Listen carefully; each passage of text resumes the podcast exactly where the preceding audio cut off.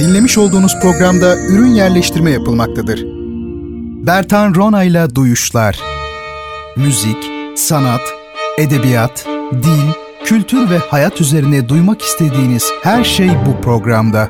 Bertan Rona ile Duyuşlar her çarşamba saat 22'de Samsun'un Gerçek Radyosu'nda. Bertan Rona ile Duyuşlar başlıyor. Efendim herkese iyi geceler diliyorum.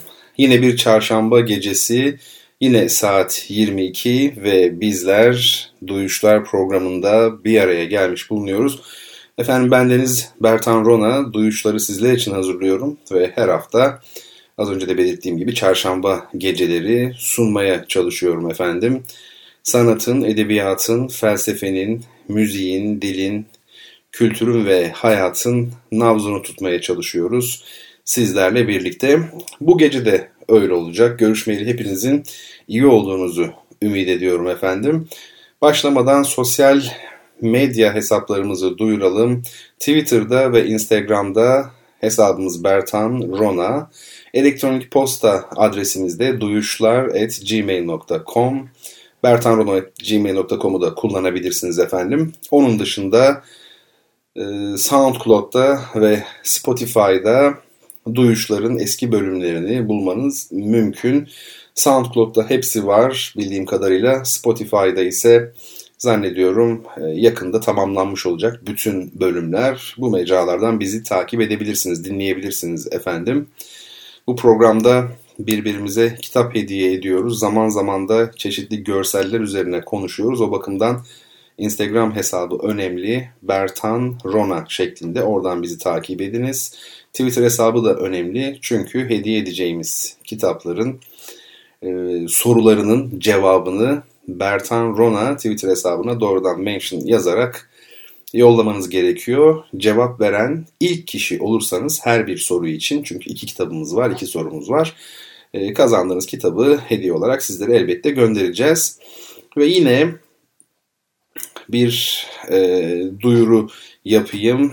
Bildiğiniz ya da bilmediğiniz üzere Duyuşlar programı e, bazı öğrencilere burs temin etmeye çalışıyor efendim. Bu konuda yardımcı olabilecek durumdaysanız, bunu arzu ediyorsanız lütfen bize ulaşın. bertanrona.gmail.com'dan ya da Twitter hesaplarımızdan bize ulaşın. Duyuşlar.gmail.com diye bir hesabımız da var. Oradan da yazabilirsiniz. Fark etmez. Ee, bizim için meblağ önemli değil, süre önemli değil. Kim ne kadar ve ne şekilde yardımcı olabilirse elbette kabulümüzdür.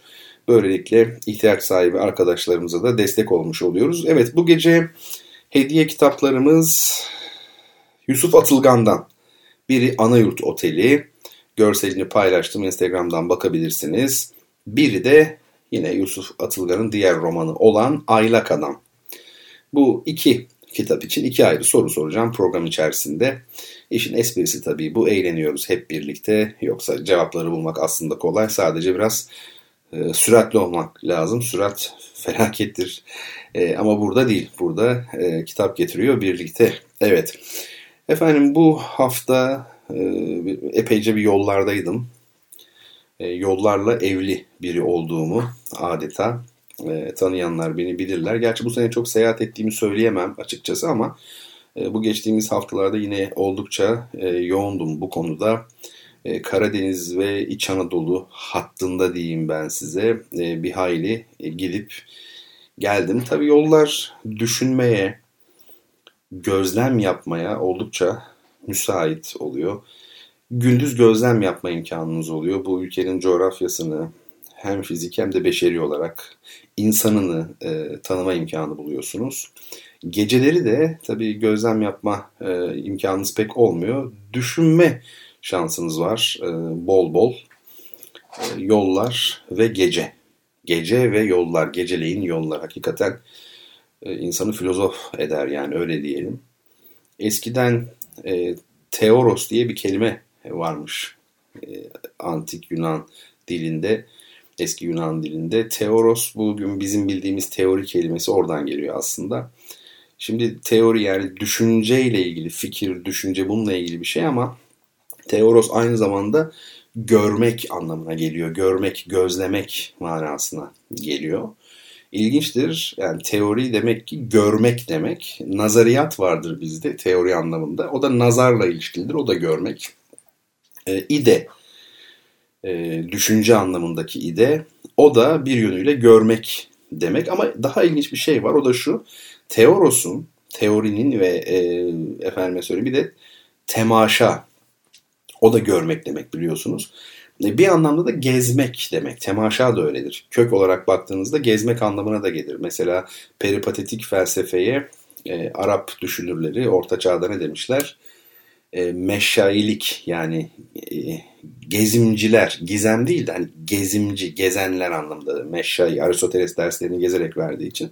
Dolayısıyla gezmek, gör, e, görmek ve düşünmek. Ne kadar enteresan değil mi? Yani geziyorsunuz aslında.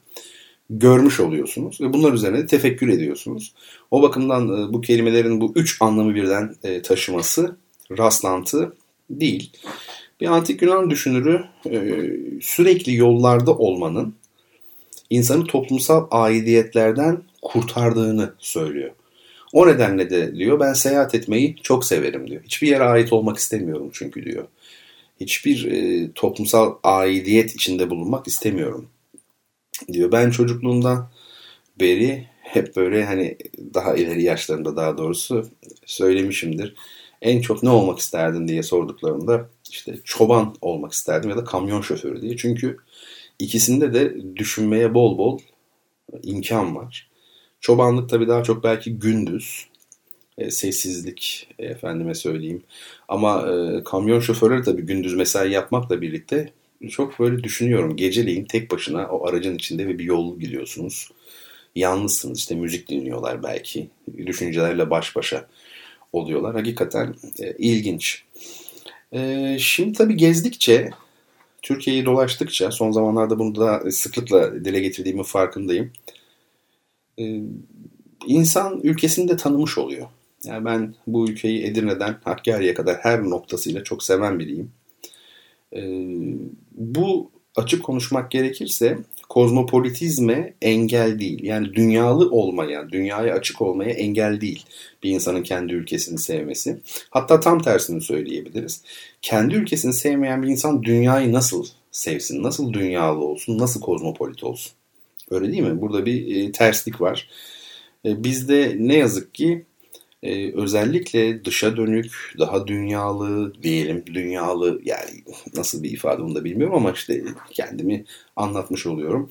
E, daha dışa dönük, böyle kabuğunu kırmış efendim insanlara baktığımızda kendi ülkesini sevmekle ilgili bir e, tuhaflık, bir değişiklik e, görülüyor. Ben öyle gördüm genellikle. E, bu bana e, hiçbir zaman mantıklı gelmedi. İlginç geldi yani anlayamadım daha doğrusu.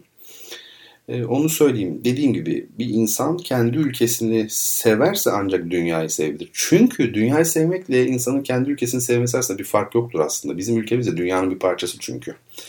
Bakmayın siz Bolivya'ya da gitseniz, Çin'e de gitseniz, efendim Grönland'a da gitseniz diller ayrı, fiziksel görünümler belki ayrı, iklim, coğrafya ayrı, adet, gelenek, görenek, ahlak ayrı ama altta yatan hep aynı hikaye, insan hikayesi. İnsan e, çoğu yerde insan. Onu söyleyelim. İnsanlar kendi toplumsal koşullarının ürünü. Hazır e, insanlar kendi toplumsal koşullarının ürünü demişken tabii Türkiye'yi sevmekle ya da bir ülkeyi sevmekle ilgili önemli bir husus da orada yaşayan e, halkı sevmek, insanı sevmek. Küçük şehirlerden işte sıkılan, efendime söyleyeyim küçük şehrin insanına biraz böyle tepeden bakan, hatta yer yer böyle böyle nahoş ifadeler onlarla ilgili kullanabilen diyelim. Şehirli bir orta sınıf var e, Türkiye'de ve özellikle genç yaştaki arkadaşlarda bu daha fazla. E, bu tepki tabii doğru bir tepki değil. Bu tecrübesizlikten, dünyayı tanımamaktan kaynaklanan, hayatı anlamamaktan kaynaklanan bir tepki. E, yıllar içerisinde geçecek, düzelecek bir tepki.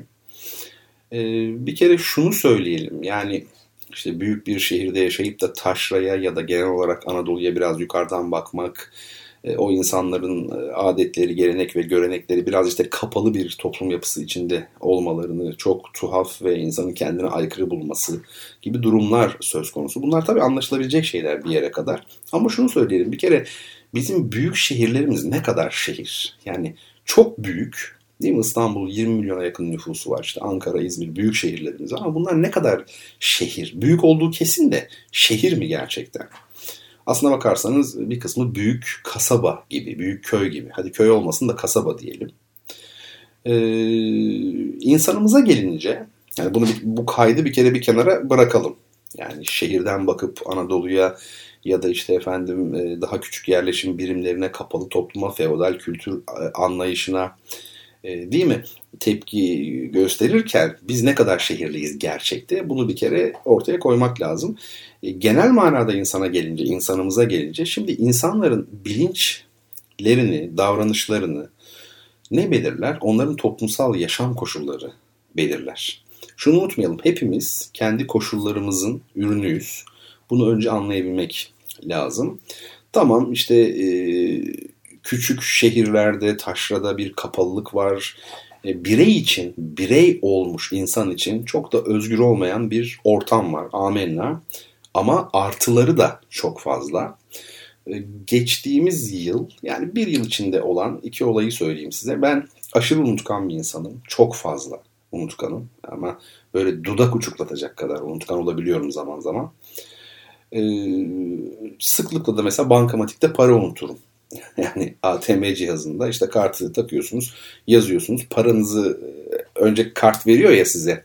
Parayı unutmayın diye. Önce kart çekin diye. Aslında benim gibi biri için yapılacak en büyük kötülük. Yani bana parayı esas o unutturuyor. Çünkü kartı alıyorum güzelce. E, cüzdanıma koyuyorum, yürüyorum falan. Para şeyde kalıyor. O haznede kalıyor. Ben Erzurum'da geçen sene bir kongre için oradaydım. Güzel de bir kongreydi. Şöyle de bir özelliği vardı. 2019 yılında gerçekleştirilen bir kongre. Bu kongre Erzurum Kongresi'nin yapıldığı binada yapıldı. Yani bildiğimiz o meşhur Erzurum Kongresi 1919'da yapılan ve ilginçtir. O tarihten 2019'a kadar o binada hiçbir kongre yapılmamış. Yapılan ikinci kongreydi ve 2019'da 100 yıl sonra bu kongrenin olduğu günlerde ben Erzurum'da çok da merkezi bir yerde bankamatikte yine para unuttum. Ve e, yüklü de bir paraydı açıkçası.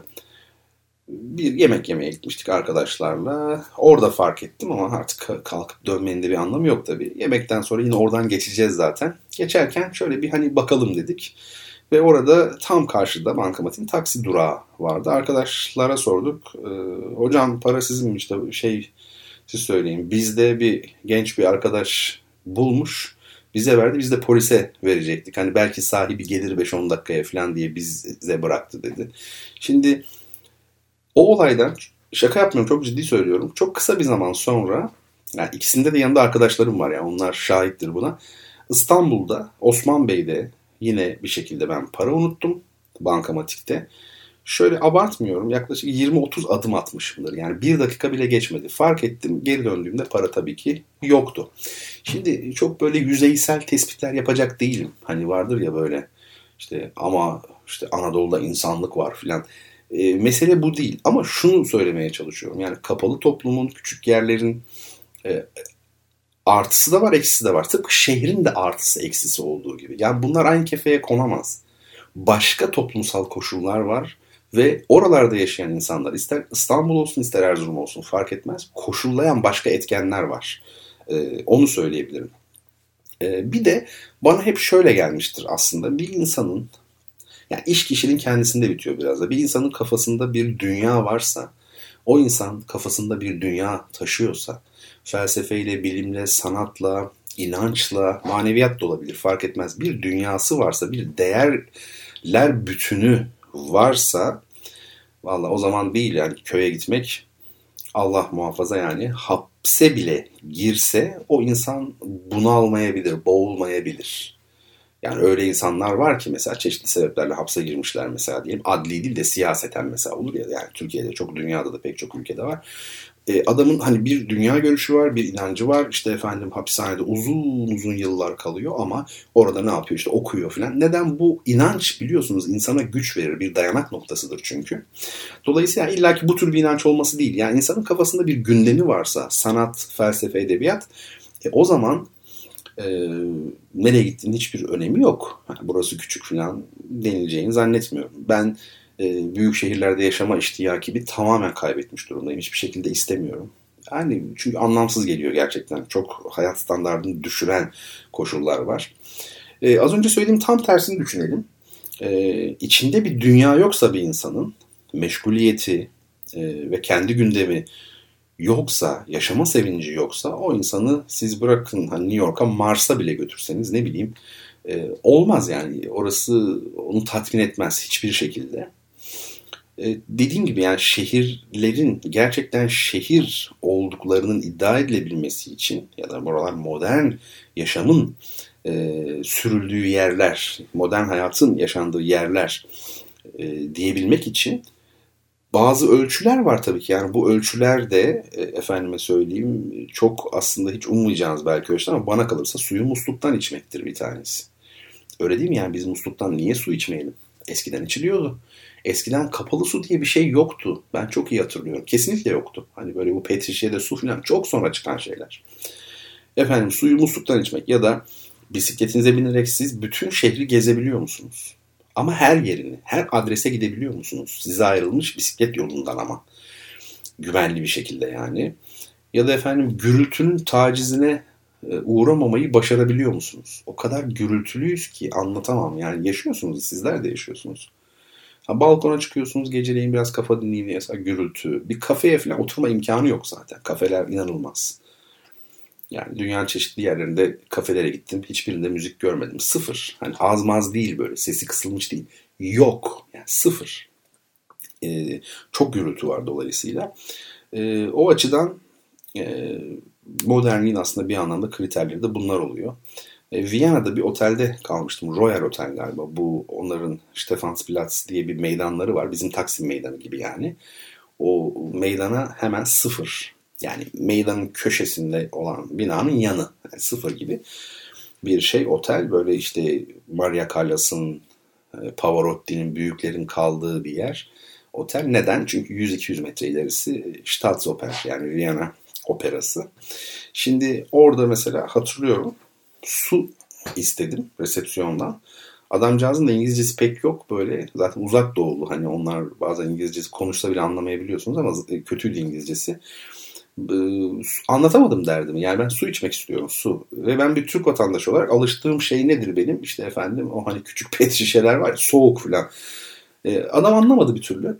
Ben de işimiz var dedim yani içimden. Ee, nasıl olacak falan. Çünkü yok su. Tamam Avrupa'da su bizim kadar zaten tüketilmez. Ben bunu biliyorum. O şekilde içilmez yani ama e, yine de tabii susadık istiyoruz. Efendime söyleyeyim kapı çaldı 5 dakika sonra. Efendim böyle büyük bir sürahide içine buz atılmış soğuk su. Bu ne dedim? Su getirdim size. Bol miktarda istediniz dedi ve soğuk istediniz dedi. Ama dedim yani bu niye sürahide falan işte pet şişe falan bu konuşuldu. Aa dedi Viyana'da şey yok. Yani biz musluktan içiyoruz suyu dedi temiz. Olağanüstü bir şey işte harika musluktan içmek öyle değil mi? Ya da mesela yine şeyde Münih'te gördüğüm bir manzara bir e, hanımefendi böyle bir tayyör neredeyse yani öyle bir ağır bir kıyafet yani iş kadını gibi. Böyle bir e, diz, şöyle düşünün dizüstü bir etek mini denilebilecek veya ona yakın işte bir etek üzerinde bluzu efendim ceketi gayet güzel şekilde bisikletiyle işe gidiyor. Ama e, bisikletinin arkasında kasası var. Hani bisiklet üç tekerlekli büyük üç tekerlekliler var ya onların bir adı falan varsa da bilmiyorum. Arkasında da bebeği var ve çok küçük emin olun yani 6 aylık belki ve işe gidebiliyor bisikletiyle. İşte bu önemli. Yani bizim şehirlerimiz ne kadar şey giderken onu kastediyorum ben. Yani e, işte İstanbul'dan e, tutup da Anadolu'daki herhangi bir yeri eleştirirken komik olmanın da anlamı yok. E, vesaire vesaire yani uzatmayayım. O bakımdan bu ülkenin yani insanını sevmek lazım. Koşullar çok zor. Bütün dünyada yaşama koşulları çok zor. İnsanlar hayatlarını kazanmaya çalışıyorlar ve e, bu koşullar insanları yer yer daha hırçın hale getirebiliyor. e, daha köşeli, daha sivri hale getirebiliyor. Ama ben her şeye rağmen bizim e, topraklarımızın Anadolu'nun irfanına güveniyorum. Sonuna kadar güveniyorum. Bu topraklar çok çok e, büyüleyici bir gelenek oluşturmuş gerçekten bir irfan geleneği.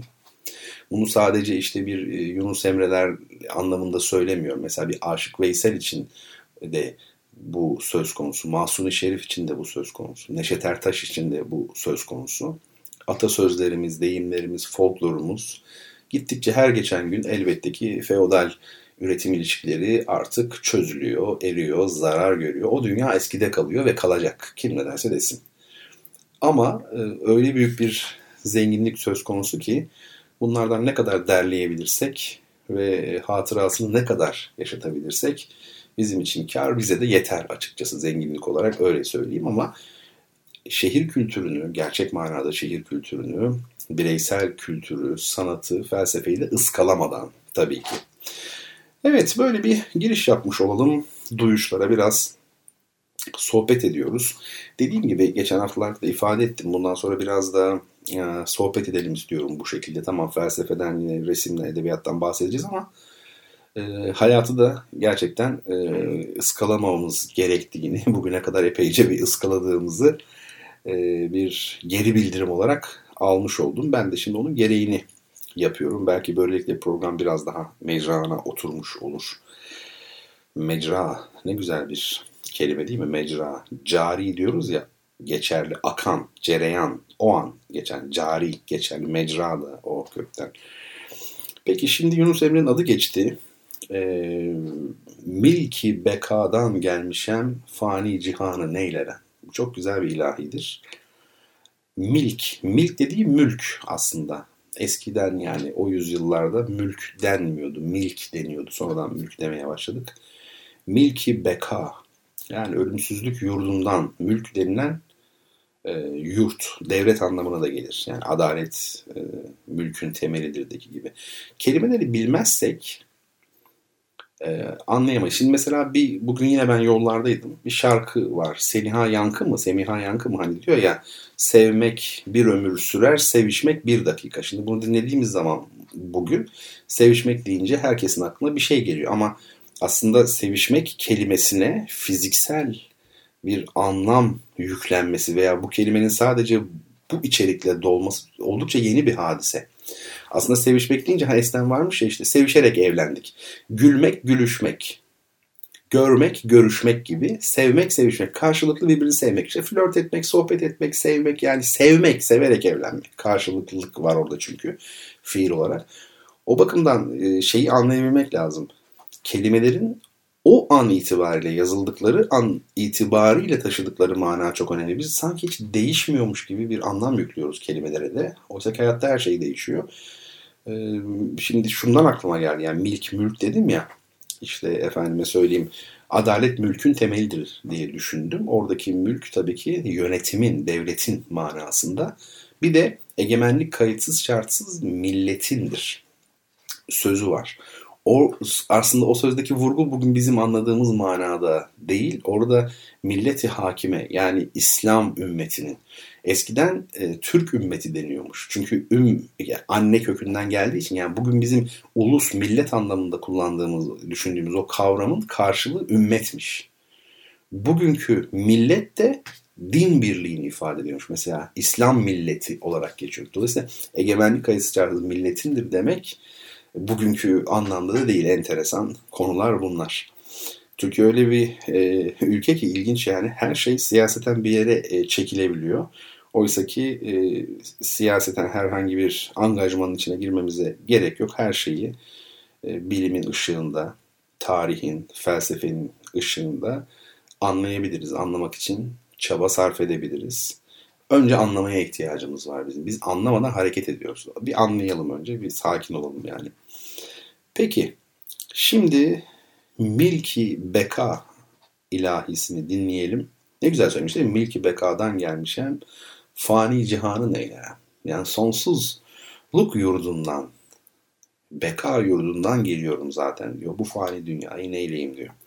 Bizde de tabii Yunus Emre gibi gönül olsaydı keşke biz böyle diyebilseydik yani o da her babaydın harcı değil bu şekilde söyleyebilmek.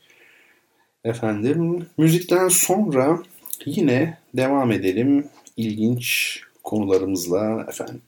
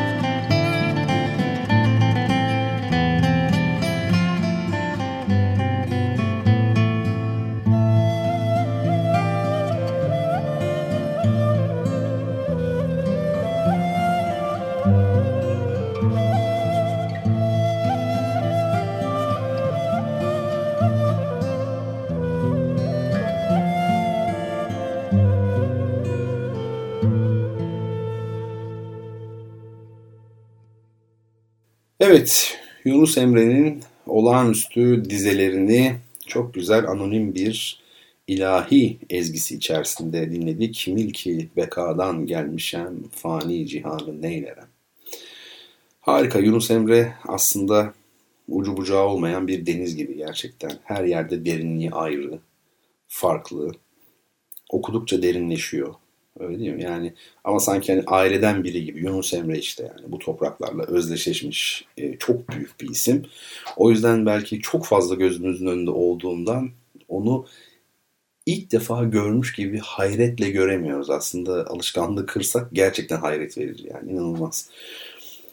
Efendim şimdi insan ilişkilerinden de söz ediyoruz artık programımızda, duyuşlarda. E, çeşitli insan durumları, yaşantılar, tecrübeler, deneyimler bunlar da renkli alanlar aslında. Bize öğretiyor pek çok şeyi. E, bir düşündüğümüz e, zaman pek çok noktada kendimize aslında ders çıkarabiliyoruz. Hani bazen bana şey diyorlar. Ya hocam sen psikolog musun yani bu kadar nereden biliyorsun diye. Ya psikolog değilim. Psikolojinin yani bir psikolog gibi tabii ki olamam o kadar şey de okumadım psikolojiye ilişkin ama temel olarak psikoloji üzerine hani okuduğum şeyler var elbette. Belli kavramlar e, aşinayım yani öyle söyleyeyim. Haberdarım ya da diyeyim. Fakat en önemlisi gözlem yapmak. Yani bazı şeyleri gözlediğinizde sonuçlar elde etmek zor olmuyor. Mesela e, şeyden bahsetmiştim geçen hafta galiba çocukluktan itibaren hepimiz suçlanıyoruz bir şekilde. Bu bir hastalık. Bizler suçlandıkça, suçlandığımız için daha doğrusu kendi çocuklarımızı da suçluyoruz. Ama bu gündelik hayatın ufak tefek ayrıntılarında da olabilir. Çok daha büyük ciddi konularda da olabilir yani. Ve bunun e, aşılması çok zor. Çünkü her kuşak kendi çocuğuna bunu devrediyor. Yani annesinin babasının suçlu psikolojisiyle büyüttüğü e, çocuklar ileride anne baba olduklarında aynı şeyi kendi çocuklarına yapıyorlar. O bakımdan e, bunu toplumdan temizlemek kolay değil. Ama şunu söylemiştim. Bir çocukluktan itibaren bir insan suçlanmaya başladığında belli bir yaşa kadar biçim olarak baktığınızda bu suçlamalara tepki veriyor gibi görünür eğer çok ezilmediyse, tepki verme yolları da kapalı değilse tabii bazı insanlar var çocukluktan itibaren o kadar şanssızlar ki bu konuda. Yani cevap dahi veremeyecek durumda oluyorlar ne yazık ki. Onlardan bahsetmiyorum ama e, tepki verebilenler, buna karşı koyanlar, kendini savunanlar dışarıdan baktığınızda bu tür bir görünüm sergiliyor. Yani çaba sarf ediyor, hayır diyor, direniyor yani bir şekilde. Bu hani gündelik hayatta düşünmeyin sadece bağırıp çağırmak ben öyle değilim falan demek değil bazen anneye babaya işte öyle biri olmadığını ispat etmek için atıyorum istemediği bir mesleği yapıyor. Çok da başarılı yapıyor falan. Benim bir arkadaşım vardı. Ben çok sevilmedim dedi evde. Her zaman dedi ablamı, ablam doktordu dedi. E, her zaman ablamı daha çok sevdiler.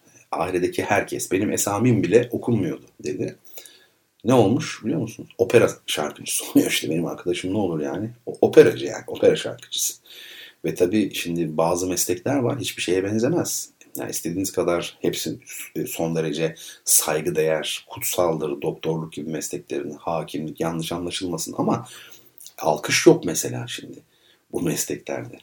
E, bir opera şarkıcısı hele bir de dünya çapında olduğunuz zaman sanat başka bir şey yani bir alkış, bir hayranlık uyandırıyorsunuz falan filan ailemi en önde falan koltukta böyle ablamı falan görünce böyle selam esnasında alkış alırken çok mutlu oluyordum. Yılların böyle hıncı çıkıyordu demişti. Bakar mısınız olaya? Enteresan ya bu da olabilir. Yıllar boyunca sevgisizliğe ya da işte o suçluluk duygusuna cevap verme biçimi illaki bağırıp çağırma değil. Şimdi fakat e, bunu hep geçen hafta söyledim. E, insan bunu yaparken bir taraftan yıllar içerisinde beyninin bir tarafı mutlaka bunun e, psikoloji bilimi açısından bir tanımı vardır. Beyninin bir tarafı da başka bir tarafı da bu suçlamalara inanmakla meşgul. Çünkü bir insana siz aynı şeyi yüz defa söylerseniz Göbels'in söylediği gibi yani bin defa söylerseniz bir şekilde sonunda buna inanır. Yani içimizde birden fazla insan var. Bir tarafı karşı koyuyor. Biliyor öyle olmadığını. Ama öbür tarafı da inanmış. Çok acı bir tablo gerçekten. Ve burada işte e, belki artık böyle şey mi lazım, terapi mi lazım bu insanlara, iyi psikologlarla mı görüşülmeli bilmiyorum. Bu insanlar e, kendilerini bir şekilde affetmeyi başarmalılar. Kendini affedeceksin kardeşim. Sen suçlu değilsin. Hataların varsa bile affedeceksin. Diyeceksin ki ben bunları yaptım hata varsa, suçun günahın varsa ben bunları yaptım evet ama yanlış olduğunu biliyorum. Pişmanlık da fayda etmez. Kendimi çok fazla paralamanın da bir anlamı yok. Bundan sonra yapmayacağım. Bunu dahi söyleyebilir insan yani hataları çok fazlaysa mesela ciddi olarak insanlara zarar vermişse falan. Bizim örneğimizde böyle değil tabii. Bizim örneğimizde sadece çevresinin, yakın çevresinin, ailesinin e, suçladığı bir onların yönelttiği bir suçlu psikolojisi içerisinde büyüyen yetişen insanlardan bahsediyoruz. Bu insanların kendini affetmesi lazım. Hayır e, ben suçlu değilim. Aynaya bakacak. Ben kendimi seviyorum. Aynada bakacak diyecek ki mesela adı diyelim ki Ayşe. Diyecek ki Ayşe ben seni seviyorum. Benim seninle hiçbir derdim yok. Yani kendimizin çünkü biz yakasını bırakmıyoruz bir türlü. Ya bırakalım kendimizin yakasını ya.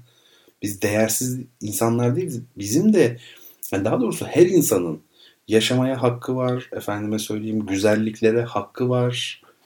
Ama bunun tabii ki bir ölçüsü var. Başka insanlara zarar vermek, onları sömürmek bunlar kötü şeyler. Bunları yapmadıktan sonra elbette ki hakkım var.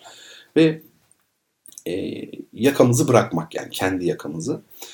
E, dediğim gibi kendini affetmesi kişinin ben kendimi affettim, kendimle barıştım, barışığım Şimdi bunu yapamayanlar, bu affetmeyi başaramayanların da iki türü oluyor yani. Bir kısmı zaten ümitsiz vaka. Hayatları, bütün ömürleri ne yazık ki e, kendilerini sürekli suçladıkları için, kendilerinden nefret ettikleri için bunu dengeleme çabasıyla geçiyor. Bunda nasıl dengeleyebilirsiniz? Gece gündüz insanları eleştirirsiniz. Gece gündüz onların hatalarını kusuru. Tek derdiniz bu olur. Bir çöplük kargası gibi çok özür dilerim. Çünkü çöp karıştırıyorsunuz aslında. İnsanların hatalarını arıyorsunuz. Efendim bir grupta şöyledir. E, bazen ikisi de tek bir grupta da birleşebilir ama diğer grupta da bütün bu hataların bir şekilde bedelini ödemek. Bazen işte efendim bir dava, bir ideal uğruna böyle çok yüksek bir aklileştirme, mantıksallık, rasyonalizm hani çünkü aslında feda ediyor kendini, acı çekiyor. İşte o suçluluğun karşılığı bu. Anlatabiliyor muyum? Bazıları da şöyle oluyor. Telafi etmek, bu hataları telafi etmeye çalışıyorlar ve iyi niyetle telafi etmeye çalışıyor ama ortada hata yok ki. Sadece inandırılmış suçlu olduğuna. Ve işte burada sıkıntı var. O hataları telafi etmek üzere bu kişilerin yapıp ettiği ne varsa bunlar çoğu zaman yeni hatalardan ibaret oluyor. Başka başka hatalar. Çünkü temelde problem çözülmemiş. O da insanın kendiyle barışması. Bakın ben size bir şey söyleyeyim. Ee, şunu gördüm hayatta. Bir insan eğer kendisiyle dalga geçebiliyorsa ondan hiç korkmayın. Hiç ama kendisiyle dalga geçebildiğini şöyle bir düşünün ne demek istediğini çok net anlayacaksınız. Yani birini tanıdığınızı düşünün. Bir gün iki gün olmuş daha yeni veya. Adam kendiyle dalga geçebiliyorsa kendiyle barışık demektir. O adamdan size hiçbir zarar gelmez. Ya da şöyle düşünün. Bir iş yerindesiniz. İşte e, efendime söyleyeyim opera e, sanatıyla iştigal ediyorsunuz veya ne bileyim büyük bir mimarlık bürosundasınız. Ya bilmiyorum ben bir iş yerindesiniz. Yani bu mesleki rekabetin olduğu hırsın olabileceği bir iş yeri birisi geliyor. Yeni biri. Şimdi size deseler ki mesleki olarak sizden daha e, önde, çok böyle iyi, branşında, alanında çok iyi biri mi gelsin? Yoksa sizden daha aşağı seviyede biri mi gelsin? Bakın ben size söyleyeyim. Eğer e, sizden daha yukarı seviyede biri gelirse çok rahat edersiniz. Çünkü neden? Çünkü neden? Dil enteresan bir şey. Bunun yanlış olduğunu bilirsiniz ama kullanırsınız. Çünkü neden? Ayrıca yani yanlış olup olmadığı da tartışılır. Şu hatayı yapıyor. Dil kağıt üstündeki bir şey değil. Ne konuşuluyorsa dil olur. Çünkü neden? Deniyorsa eğer bu ülkedeki insanların çoğu bu şekilde konuşmaya başladıysa ya da başlayacaksa günün birinde doğru olan odur bitmiştir. Çünkü bizim kural dediğimiz şeylerin hepsi pratikten geliyor zaten. O da ayrı bir konu. Ee, şimdi siz söyleyin ismini. İnsanın hani bu bahsettim ya mesleki olarak daha üstün biriyle karşılaşması size hiçbir zararı olmaz. Neden? Çünkü sizden daha iyi zaten. O kişi size bir zarar vermez. Niye versin ki? Amacı olmaz yani. Ve siz çok şey de öğrenebilirsiniz o kişiden. Ama sizden daha e, alanında az başarılı ya da az yetkin diyelim biri olduğu zaman demiyorum ki mutlaka olumsuz olur. Sakın öyle anlaşılmasın. Ama e, haset, sizi çekememe, sizi kıskanma, sizin ayağınızı kaydırmaya çalışma çok tehlikeli. Bunların hepsi olabilir. O yüzden e, bu konular önemli konular. Gözlem yaparak biraz üzerinde durmaya çalışalım. Şimdi insan ilişkileri tabii şey bir konu yani uzun bir konu. Ben de her programda ufak ufak bahsedeceğim. Bu gece size bir de kitap tanıtmak istiyorum. Son haftalarda istikrarlıyım bu konuda. Yani bir ara hiç tanıtamamıştım. Ya, tanıtma değil bu öneri gibi. Dedim ya bazılarını ben okumuş oluyorum. Bazılarını okumamış oluyorum. İnsan kendi okumadığı kitabı önerir mi? Önerir tabii yani önerme demeyelim de ona. Ya şöyle bir kitap var. Yani okuyalım, haberdar edelim birbirimizi anlamında. Benim de kitaplığımda kitapların hepsini okuduğumu söyleyemem. Yani hepsini okusam yani alim olmuştum şimdiye kadar. Kitap nedir? Yine Instagram'da görüyor olmalısınız. Yükledim çünkü. Ernst von Aster'in ders notları. Kitabımız bu. Kapağını da şöyle güzelce açalım. Ernst von Aster 1950'lerde yanılmıyorsam e, Türkiye'ye gelmiş olan Avrupa kökenli özellikle Alman kökenli felsefecilerden bir tanesi. Onun ders notları kitaplaştırılmış. Tabi ders notlarının ilk çağ ve orta çağ kısmı. Görüyorsunuz zaten şeyde fotoğrafta sentez yayınlarından çıkmış oluyor. Ben şimdi size e, kitabın e, arka tarafını yani arka darsu kapağı bir şöyle okumak istiyorum. E, felsefe tarihi diyor. İlk çağ ve orta çağ diyor. Şöyle Ernst von Aster'e göre felsefede derinleşmek isteyen dinleyicilerim arasında bana zaman zaman böyle şey yapan, mesaj atan hatta telefon eden e, değil mi? Daha doğrusu ben hani konuşalım diyorum. Çünkü yazmak çok uzun zaman alacağı için bazen diyorum ki yani en iyisi sizin bu soru işaretinizi telefonda gidermeye çalışalım diyorum. E, sık sık bu gelir. Felsefede ilerlemek istiyorum hocam. Felsefede derinleşmek istiyorum. Hangi kitapları okumalıyım diye. Bakın Ernst von Aster'e göre şöyleymiş. Felsefede derinleşmek isteyen felsefe tarihi ile uğraşmak zorundadır. Şükür benim gibi düşünen birini buldum. Eskiden beri diyorum ki Macit Gökberk'in felsefe tarihi çok önemli kitap diyorum. Ya hocam o el kitabı, o işte yüzeysel değil mi falan. Ya ben öyle düşünmüyorum. Yani çok önemli olduğunu düşünüyorum. Felsefe tarihi önemliymiş bakın öyle diyelim. Ee, felsefe tarihsiz felsefe olmaz. Ernst von Aster'e göre böyleymiş. Felsefe tarihi bir takım olayları, bir takım hayat hikayelerini, bir takım görüşleri art arda sıralamak değildir. Felsefe tarihi felsefe problematiğinin gelişmesini gösterir ve bu gelişmenin mantıksal düzenini kavrar. Bunun içindir ki felsefe tarihinin kendisi de bir felsefe disiplinidir. Felsefe tarihi bize felsefenin ne olduğunu, insan bilinç ve kültürünün gelişmesinde felsefenin ne gibi yeri olduğunu gösterir. Bununla da felsefe tarihi felsefe üzerine felsefe yapmak olur. Felsefe ise evreni bir bütün olarak kavramak için yapılan bir denemedir. Gerçek felsefe bir konuşma, bir soru cevaptır. Cevabı daima en derin yerinden yakalayıp çürütmek isteyen bir şüphedir. Felsefe konularındaki sorunlar hiç de sonu gelen kanıtlanmış sorunlar değildir. Bunlar doğru çözümü bulunmayan, bizi daima birçok mümkün çözümlere karşı, daha doğrusu şöyle, bizi daima birçok mümkün çözümlerle karşı karşıya bırakan sorunlardır. Bunlardan biri varlık kavramıdır. Bir şey niçin vardır? Bilinç niçin vardır? Bilincimizin özü nedir? Ben, evren, süje, obje, insan, eşya arasındaki zıtlık ilişkisi nedir? İnsan nedir? İnsan nedir sorusunu insan kendi kendini sorun yapmaktan asla vazgeçmeyen varlıktır diye cevaplar Ordinarius Profesör Ernst von Aster. Bu kitap ders notları anlaması çok kolay bana kalırsa. E, rahatlıkla edinilebilir. Gerçekten tavsiye ederim e, beni arayıp zaman zaman soran sanki ben de hani böyle bu konularda otoriteymişim gibi ama yani şöyle bir şey bazı alanlar vardır onların yani illaki üniversitesini okumak bilmiyorum yani felsefe tarihindeki filozofların kaç tanesi aslında okudu acaba yani anlatabiliyor muyum? O çok anlamlı gelmiyor bana. Çünkü felsefe denilen disiplin yapısı böyle yani şiir gibi mesela yani edebiyat fakültesini bitirip mi şair olacaksınız yani? O çok saçma olur. O zaman ilahiyat fakültesini bitirince de tövbe yani şey olalım. Veli olalım yani değil mi? Olmaz o. Bu kitap e, rahatlıkla anlaşılabilir. Bana soranlara da toptan ben bu şekilde bu kitabı önermiş olayım. Benim okuduğum bir kitap. Rahat bir dili var kesinlikle. Bir de içindekiler kısmından birazcık e, bahsedeyim. Neler var içindekilerde. Hepsini değil. En azından ilk sayfaya bakalım. E, Von Aster hakkında bir kısım var. Yaklaşık ilk 20 e, sayfa gibi. Daha doğrusu ilk 15 sayfa diyelim.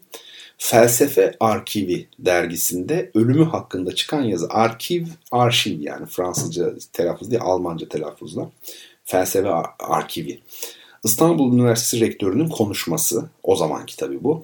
Edebiyat Fakültesi Dekanı'nın konuşması, Ernst von Aster'in kişiliği, von Aster'in felsefedeki yeri, öğrencileri gözüyle von Aster, von Aster'den anılar, von Aster ve bilgi teorisi yani epistemoloji. Daha sonra ön söz geliyor. Ön sözün başlığı insan ve dünya. Giriş kısmı şöyle, giriş ayrı bir bölüm tabii. Modern fizik ve felsefe. Bakın o yıllar çok kritik yıllar çünkü modern fizik açısından ve felsefe açısından. Yani felsefe e, modern fizikle, modern bilimle evlidir, evli. Yani siz bakmayın. Biraz böyle aşırı idealist felsefe, Heidegger'ler, başkaları bugün bilimin çok uzağında olmuş olabilirler ama halbuki her bilimsel e, buluş, yenilik felsefeyi doğrudan etkiler. Yani e, şeyden beri Milet, Miletos döneminden beri efendime söyleyeyim İyonyalı felsefecilerden e, itibaren bakacak olursak o dönemde bilim ve felsefe aynı şeydi. Öyle değil mi? O dönemin düşünürler aynı zamanda fizyolog ve bilim insanıydı. Sonra ayrıldı. Çok feci bir şekilde bilim ve felsefe ayrıldı. Ama günümüzde büyük oranda pek çok idealist filozof kabul etmese de e, aslında birleşmiş durumdadır. Onu söyleyelim. Biz de birazdan zaten bu konulara benzer konuları e, kendi felsefe sohbetimizde yapacağız. Ve birinci bölüm başlıyor kitapta. İşte ilk çağ felsefesi. Burada felsefe nedir? Felsefenin alanı, felsefe tarihi nedir? Ve Hint felsefesi diyor. Sonra Mısır ve Mezopotamya, İran, Yunan felsefesinin doğuşu diyor. Daha sonra da işte Millet okuluna geçiyor. Thales, e, Anaximandros ve Anaximenes biliyorsunuz üç büyük düşünürü. Millet Okulu'nun. Sonra Millet Okulu sonrası Yunan'da düşünce, Dionysos, Orfik din, e, bu çok önemlidir. Pisagor. Bunlar tabii yani Orfizm, Pitagorasçılık açıkçası çok mistik zaten yapı olarak. Daha çok bir dine benziyor. Dine bile değil, tarikate benziyor. Yani böyle sembolleri falan var. Pitagor, Pitagorculuk var. Ee, Xenofon yani Xenophanes'ten bahsediliyor ve Elea okulu başlamış oluyor. Daha sonra Efesli Heraklitos diye devam ediyor. Sadece antik Yunan'ın değil bana kalırsa bütün felsefe tarihinin hatta insanlık tarihinin en büyük beyni hangisidir? En büyük beyin yani gelmiş geçmiş Heraklitos denebilir bence. Yani adını çok duymadınız değil mi? Duymadınız derken biliyorsunuz ama bu kadar büyük bir e, düşünür mü acaba bu şekilde öğretildi mi? Hayır tabii ama e, ben öyle düşünmekteyim belli nedenlerden ötürü. Yani mesela şaşıracaksınız belki ama e, İbni Haldun yani o da benim için ilk beşe girer yani. Bunun sebebi çağlarının çok ötesinde düşünceler öne sürmüş olmaları. Yani Heraklitos'un söylediği bazı şeyler var. Hegel ne diyor? Hegel diyor ki onun bir tek diyor sözü yoktur ki diyor kendi lojiğime, kendi mantık bilimime almamış olayım diyor. Şimdi Hegel'le arasında bu adamın yani 2000 yıldan fazla zaman var. Öyle şeyler söylemiş ki bunlar ancak 2500 yıl sonra anlaşılabilmiş şeyler. Yani 2000 yıl sonra yani neyse inanılır gibi değil gerçekten. İşte aynı nehirde iki defa yıkanılmaz diyor biliyorsunuz meşhur sözü. Orada bahsettiği şey aslında çok derin ama biz onu çok yüzeysel algılıyoruz. Aynı nehirde iki defa yıkanılmaz. Çünkü sular aktı filan. E, buongiorno. buongiorno yani günaydın. O zaten öyle onu biliyoruz da orada bahsedilen şey başka. Bir yerde de okumadım. Yani kendi görüşüm onu söylerim. Yeri gelecek zaten bizim kendi sohbetlerimizde de. Şimdi bir soru soralım. Hadi gelin bu ağır e, felsefe havasından kurtulalım. Ve kitap hediyeli sorumuza geçelim. Bu e, kitap neydi? Anayurt Oteli. Evet. Bu kitabı e, vereceğiz. Şimdi öyle iki kitap seçilmiş ki bu hafta Anayurt Oteli ile Aylak Adam. Şimdi dinleyiciler bu iki kitabı birden alsak ne güzel olur diyor. Olabilir. Yani takım olsun falan gibi. Bir ara şöyle düşündüm. Acaba ikisini bir mi hediye etsek? Yani bu ikisi birinci kitap olsun. Ayrıca bir ikinci kitap. Sonra dedim ki böyle bir e, işkenceciniz gibi yalnız bakar mısın itiraf ediyorum diye. Heyecanlansın insanlar. Sanki çok büyük bir hediyeymiş gibi. Heyecanlansın dediğim yani birinci kitabı kazanan kişi şunu desin. İkiyi de ben şey yapayım hani kazanayım. iki tane Yusuf Atılgan'ım olsun gibi. Peki işin şakası bunlar. Soru şöyle. 1187'de 1187 yılında birinci Haçlı Seferi sırasında Kudüs kralı Guy de Lusignan ile Eyyubi Sultanı Selahaddin komutasındaki ordular arasında Taberiye Gölü'nün batısında gerçekleşen Eyyubilerin kesin galibiyeti ve Haçlı Kral Guy de Lusignan'ın esir düşmesiyle sonuçlanan muharebenin adı nedir? Bu Cennetin Krallığı diye değil mi? E, Ridley Scott'ın filmi vardı. Meşhur bir film. Orada da bu savaş gösteriliyor kısaca da olsa. Soru bu. Sizler cevabını düşüne durun, araştıra durun, yaza durun. Ben de ikinci müziğimizi anonse edeyim. Swingle Singers var ya böyle enstrüman kullanmadan bir koro sadece ağızla böyle ama çok değişik müzikler yapıyorlar. Onlardan Mission Impossible hani bizde görevimiz tehlike diye mi çevrilmişti ee, bu parçayı şöyle bir dinleyelim ardından duyuşların ikinci kısmıyla çok sevgili dinleyenlerim inşallah birlikte olalım.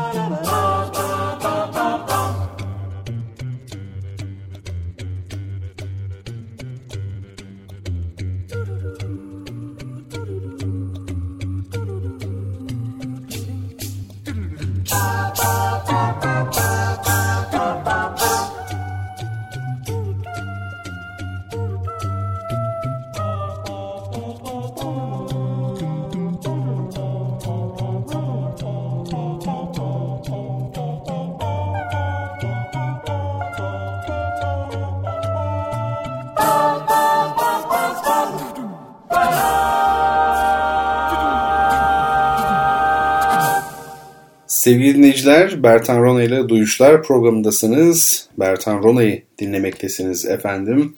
Her hafta çarşamba geceleri saat 22'de Radyo Gerçek yayınında sizlerle buluştuğumuz Duyuşlar programı felsefe, müzik, sanat, edebiyat ağırlıklı bir program efendim. Twitter ve Instagram'da Bertan Rona bizim adresimiz. Elektronik posta olarak duyuşlar.gmail.com bertanrona.gmail.com'u da kullanabilirsiniz. Onun dışında Spotify ve SoundCloud'da duyuşların geçmiş bölümlerinin kaydını bulabilirsiniz. Herhalde bir 150 bölüm oldu mu bilmiyorum. E, hepsi var. Spotify'da olmayabilir. Yeni yeni yükleniyor çünkü oraya. E, kitap hediyeleri için sorular soruyorum. Çeşitli sorular. Bu sorulara doğru cevap veren ilk dinleyicimize de her bir soru için e, kitabını gönderiyoruz. Twitter'da Bertan Rona. Buraya doğrudan mention şeklinde yazabilirsiniz. Onun dışında Bertan Rona ile Duyuşlar diye bir Twitter hesabımız daha var. Bir bebek hesap şimdilik. Onu geliştirmeyi düşünüyorum. Bakalım. E, oradan da bize ulaşabilirsiniz. Bize sadece tabii bunlar için değil, aynı zamanda burs aradığımız öğrencilerimiz için de lütfen ulaşın. Kendilerine yardımcı olduğumuz, ihtiyacı olan öğrenci kardeşlerimize burs arıyoruz. Bu konuda eğer bizlere yardımcı olabilecekseniz miktar önemli değil, süre önemli değil. Bir yıl olur, bir ay olur, bir defaya mahsus olur, üç olur, beş olur fark etmez. Lütfen bize ulaşın. Ee, ya da en azından mümkün mertebe bunu yayın. İnsanlar duysunlar. Belki sizlerin duyurduğu kişiler içerisinde yardımcı olabilecek olanlar vardır. O da makbule geçer. Aynı işi yapmış olursunuz efendim. Şimdi felsefe sohbetlerimiz son e, haftalarda devam ediyor. Bir aydır devam ediyoruz. Ee, iki yöntemden bahsettik kabaca. Diyalektik yöntem ve metafizik yöntem. Tarihte bütün e, felsefe ekolleri yöntem olarak aslında bu ikisinden birini kullanıyor dedik. Bir de sistem e, olarak düşünelim. Bu da tabii idealizmle materyalizm iki ana kamp diyelim bir e, felsefe her ne kadar bu ikisinden birinin adını taşımıyor olsa bile egzistansiyalizm mesela veya başka bir felsefe, izimler var ya mutlaka ya idealist açıdan bakıyordur dünyaya, hayata, felsefeye ya da materyalist açıdan bakıyordur onu söyleyelim. Ee, peki aradaki ayrım ne? Aradaki ayrım temelde düşüncenin mi yoksa maddenin mi önce olduğu sorunsalı. Eğer düşüncenin önce olduğunu söylüyorsanız siz idealist kampa girmiş oluyorsunuz. Çok aşırı derecede bir şablon olarak tabii bunu anlatıyorum şimdi. Ve dolayısıyla genel manada din düşüncesi de idealist felsefe kapsamındadır. Çünkü siz e, düşünceye öncelik veriyorsanız bütün kainatı belli bir amaçlılık dahilinde yaratmış olan bir yaratıcı e, kavramı da zorunlu olarak çıkıyor ve size yabancı olmuyor. Ama materyalist kamptaysanız burada siz maddenin önceliğini e, vurgulamış oluyorsunuz ve bu da tabii ki bir yaratım düşüncesini efendime söyleyeyim e, reddetmiş oluyor. E, ilga etmiş oluyor. Şimdi e, şeyde İslam düşüncesinde mesela İmam Gazali çok büyük bir isimdir biliyorsunuz. İmam Gazali'nin Farabi'yi ve İbn Sina'yı tekfir etmesi yani onların küfre düştükleri ni iddia etmesindeki temel mesele neydi? E, hem Farabi'nin hem de İbn Sina'nın alemin kıdemi görüşünü öne sürmeleriydi. Yani alem kadimdir. Sonradan var olmamıştır. Bu düşünce tabii ki e, o manada baktığınızda yaratım düşüncesinin e, ters. Onu da belirtmiş olayım. Şimdi idealizmin konumuza gelelim. İdealizmin en eski biçimi hangisidir diye düşündüğümüzde aslında animizmdir. Animizm canlıcılık biliyorsunuz. Var olan her nesnenin, tabiattaki her e, fenomenin öyle diyelim bir ruh olduğu düşüncesi. Çünkü hareket ruha bağlanıyordu eskiden. Yani ruhu olmayan bir varlık hareket edemez. Doğada her şey hareket halinde. O zaman hepsi ruhlu, canlı yani. Canlıcılık, animizm.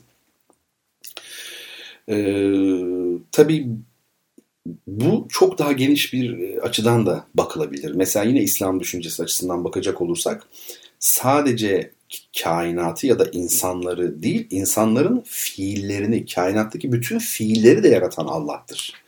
İslam düşüncesinde yani ehli sünnet düşüncesinde böyledir. Dolayısıyla bütün fiiller de yaratılmış oluyor. Bakın bu e, düşünce yani her nesnenin ruhlu olduğu düşüncesinin daha e, şumullü, bütün varlığı kapsayan e, bir çeşidi. Arada bir akrabalık var onu demek istiyorum. Madde ile ruhu birbirinden ayıran e, anlayışlar e, yok mu? Çok çok keskin sınır koyan var. Dualist anlayışlar, dualist ikici yani iki, ikili öyle diyelim. Dualizm yani. Burada mesela e, Freud bile örnek verilebilir. Neden? Çünkü e, Freud aslında çok büyük başarılara imza attı tabii insan psikolojisini anlayabilmemizle ilgili olarak ama Freud'un düşüncesinde bilinç dışı adı verilen bir karanlık alan var. Yani bu çok soyut nedenleri tanımlanmamış. İnsanın doğasında var olduğu söyleniyor bunun. Bu açıdan baktığınızda insan psikolojisinin, insanın düşünsel yetilerinin onun maddi yönünden koparıldığını görüyoruz. Bu yüzden belki hani dualizm denilebilir. Onu söyleyelim. Tabi dualizm e, e, demek buna %100 doğru olmaz ama o kapsamda onu belirtmek istiyorum. E, idealist felsefe özellikle Orta Çağ'da çok önemli başarılara imza attı. Bunu belirtelim ve bilimin gelişmesinde insanın e, dünyayı, hayatı anlamlandırma çabasında gerçekten e, geliştirici oldu. Bunu ifade edelim. Günümüzde bilimden uzaklaşmış olsa da e, geçmişte böyle değildi. Tabii materyalizm ise, materyalizme baktığımızda ise her zaman e, aynı materyalizm var olmadı. Mekanik materyalizm başka, diyalektik materyalizm başka.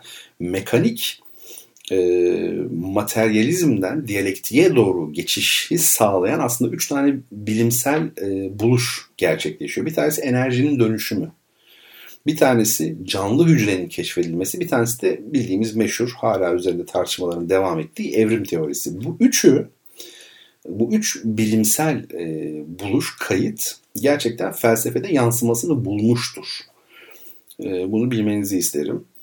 E, tabii bilimsel ilerlemeler, bilimsel buluşlar materyalist kampta da, idealist kampta da farklı yansımalar buluyor her zaman özellikle maddenin yeni formları bulunduğunda idealist felsefe tabii ki kendi düşüncesi doğrultusunda yorumluyor bunu.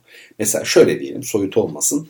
işte diyelim ki bir e, parçacık bulunduğu, kuark parçacığı veya şöyle diyelim bir zamanlar nötrinoların kütlesinin olmadığı düşünülüyordu. Düşünebiliyor musunuz? Kütlesi olmayan bir cisim. E, buradan tabii ki idealist felsefe kendi düşüncesi. Mesela ruhun tanımı var işte burada. Çünkü bakın var ama kütlesi yok. Bir, öyle bir şey var demek gidiyor. Örnek veriyorum yani bilimsel şunu ya bu, bu konular tartışılır. Mesele bu değil. Mesele şunu anlamamız lazım. Bilimsel ilerlemeler, buluşlar, varsayımlar, her neyse tartışmalar felsefeyi nasıl etkiliyor? Nasıl yönlendiriyor? Her e, düşünce yeni bir buluşu nasıl değerlendiriyor? Mesele bu. Ee, tabii idealizm bir taraftan amaçlılıkla evli. Ereklilik ya da amaçlılık. Her şeyin bir amacı olduğu düşüncesi.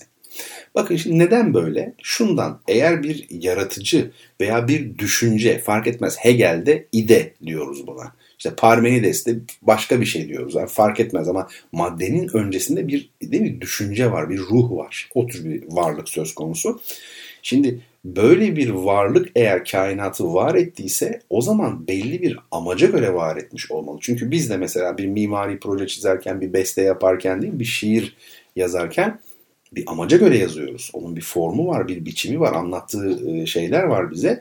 O bakımdan yaratı, yaratım aslında bir amaçlılığı gerektiriyor. Yani şu şu için yaratılmış.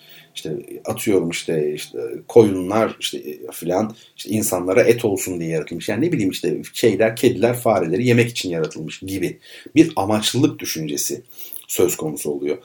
Ama e, eğer idealist açıdan bakmayıp materyalist açıdan bakarsanız herhangi bir yaratım söz konusu olmadığı için bir amaçlılık yok. Kainatta bir amaca göre hareket eden bir şey yok. Peki onun yerine ne var? Nedensellik var. Her olayın bir nedeni var. Nedenler yön veriyor diyebiliriz. Burada önemli olan tartışmaları bilmek aslında. Ernst von Aster'den bahsettim.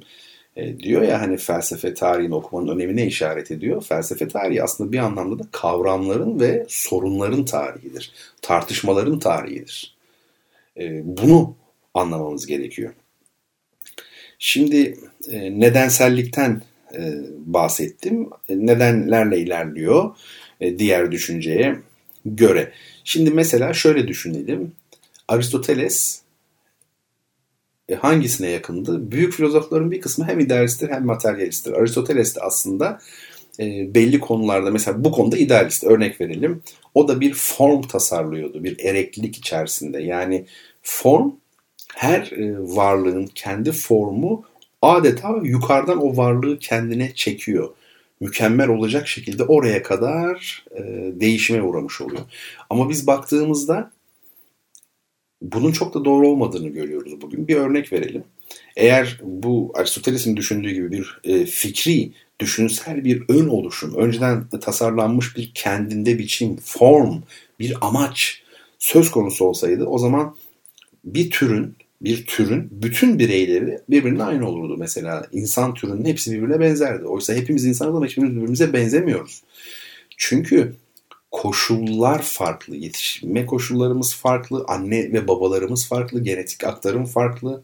Öyle değil mi? Yani tek tip değil, farklılıklar da var. Bu bu noktada amaçlılık düşüncesini biraz e, çürütmüş oluyor, onu söyleyeyim. Şimdi Biçimi ne belirler? Biçimi tabii ki içerik belirler. Bunu biliyoruz. Hepimizin lise yıllarından beri bildiği bir şey. Biçimi ne belirliyor? İçerik belirliyor tabii ki. E, ama biçim belli bir gecikmeyle içeriği yansıtıyor. Yani şöyle düşünelim mesela Fransız e, devrimi olmadan evvel 100 yıl öncesine gidelim mesela 1680'ler 1700 1789'a kadar giden süreçte son 100 yıla baktığımızda görünüm ne? Görünüm hala feodal orta çağ. Değil mi? Yani aristokrasi egemen falan. Oysa ki siyasal olarak böyle ama gerçekte baktığınız zaman burjuvazi iktidarı ele geçirmiş durumda. Yani ekonomik ilişkiler aslında kapitalist üretim ilişkilerine dönüşmüş. Fakat biçim ne? Siyasal olarak baktığınızda biçim hala efendim şey orta çağ, aristokrasi, feodalite. Ama ne oluyor? İçerik artık değiştiğine göre orada kapitalist üretim ilişkileri yerleştiğine göre e, şeyin de siyasal yapılanmanın da ona göre olması lazım. Ve en son ne oluyor? Fransız ihtilali oluyor. Burjuvazi siyasal iktidarı da ele geçirmiş oluyor. Ama bakın bir müddet ne oldu? İçerikle biçim arasında fark oldu. Yani biçim içeriği gecikmiş olarak yansıttı. E, bu hep böyledir. E, şimdi bazı bilim insanları özellikle neo-Kantçı e, felsefede çok abartmak istemiyorum ama Popper ve benzerleri mesela e, efendim dünyanın son derece işte hani diyoruz ya çok tutarsız işte efendim çok karanlık çok bilinemez öngörülemez işte kuart cisimciği patlayan şeyler şunlar bunlar Big Bang ile ilgili teoriler falan öyle değil mi? Astrofizik var efendim kozmogoni denilen alanlar var. E, bir öngörülemezlik olduğunu söylüyorlar. Ama dikkat edelim bu aslında bir yasa olmadığı anlamına gelmiyor. İşte biçim içeriye göre geç değişiyor dedim ya. İçerik bir müddet eski biçimle devam ediyor dedim. İşte bu gecikme tabiatta bir takım tutarsızlıklar doğuruyor. Öyle görünüyor en azından. O bakımdan da tabiat, doğa e, aslında tamamlanmamışlıklarla dolu. Yapısı böyle. Yani çünkü sürekli hareket halinde. Hareketin kendisi zaten bir çelişki değil mi? Yani bir verili bir anda hem o noktada olacaksınız hem de orada olmayacaksınız demektir hareket. Şöyle bir düşünürseniz ya yani ince konular gerçekten tabiatın bazı yasaları var. Ee, kaos yok. O kadar anarşi yok kesinlikle. Doğanın yasaları var, toplumun yasaları var, bilincin yasaları da var. Bu üç kategori yani doğa, toplum ve bilinç yasalar var. Ama bu yasaları biz yaratamayız, biz var edemeyiz, yok da edemeyiz. Bunlar hakikatin yasaları. Bunları ne yapabiliriz? Sadece keşfedebiliriz. Biz keşfedebiliriz. Onu söyleyelim. Şimdi idealizme göre madde durağandır, hareket etmez, genellikle durağandır. Genel manada ama. Yoksa maddenin hareketini kim kabul etmez? Yani idealist filozoflar da kabul ediyor ama idealist felsefeye göre madde durağandır. Yorumu o yani. Bu nedenle e, durağansa hareketi nereden alacak? Dışsal bir düşünceden veya ruhtan almalı. E, bu bir. İki, madde kendiliğinden bir zorunluluk taşımadığı için, bir mecburiyet taşımadığı için maddenin tabi olduğu yasaları bir ruhun sürekli olarak yönetmesi gerekir. Ya yani Orta Çağ skolastik bu tartışmalarla doludur. Yani Tanrı kendi yarattığı tabiat kurallarını değiştirebilir mi, değiştiremez mi? Bunu İmam Gazali skolastik e, papazlara benzer diyelim yani bir düşünceyle aşıyor sünnetullah diye bir kavram var İslam düşüncesinde. Ne demek bu? Allah'ın adeti. Sünnet adet demektir. Sün, yani kök olarak da iz demektir aslında. Bir şeyin izinden gitmek, yani onu takip etmek. Adet. Sünnetullah nedir? Adetullah veya Allah'ın adeti. Şimdi diyor ki İmam Gazali, tabiat kanunları sünnetullah'tır. Allah'ın adetidir. Yani Allah bunları adet edinmiş. Ama diyor mucize dediğimiz şey gerçekleştiğinde Allahü Teala diyor İmam Gazali bu adetini o an için terk etmiş oluyor diyor. Bu düşüncenin benzeri tabii ki e, skolastikte de var, Avrupa'da da var. Burada önemli olan şey şu, Tanrı bütün kainatı var ettikten sonra kendi e, yarattığı, kendi koyduğu yasalara, kanunlara mahkum mudur, değil midir?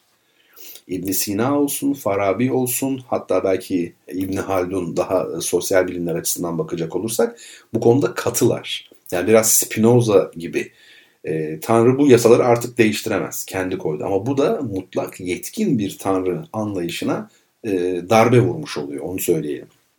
Bir de tabii e, idealizmde madde tarihsel gelişim sürecine bağlı olmadığı için başlangıcı ve sonu olacak biçimde bir ruh tarafından yaratılmış. Yani maddenin başı da vardır, sonu da var. Kün feyekün. Ol dedi oldu. Bitiş ne zaman? Efendim kıyamet mesela diyelim. Ondan sonra da her e, ne kadar Fucureha ve takvaha diyor. Yani şey Tekvir suresi değil mi? Ama devamı da var. O iki sure onlar. Biri hani o kıyametin dürülmesini öbür taraftan da tekrar o yıldızların saçılmasını hani yeni bir yaratım kıyamet sonrası. Yani bu idealist düşüncede e, var tabii ona hiç şüphe yok. Şimdi e, Laplace çok büyük bir e, bilim insanı, bir astronom. Kant'la beraber onlar bir kuram ileri sürüyorlar. Yani ikisi beraber de Kant-Laplace kuramı diye geçiyor. Bulutsularla ilgili. O bir sistem oluşturmuş. Kendi e, astronomi sistemi var. Napolyon'a sunuyor. Napolyon Bonaparte'a.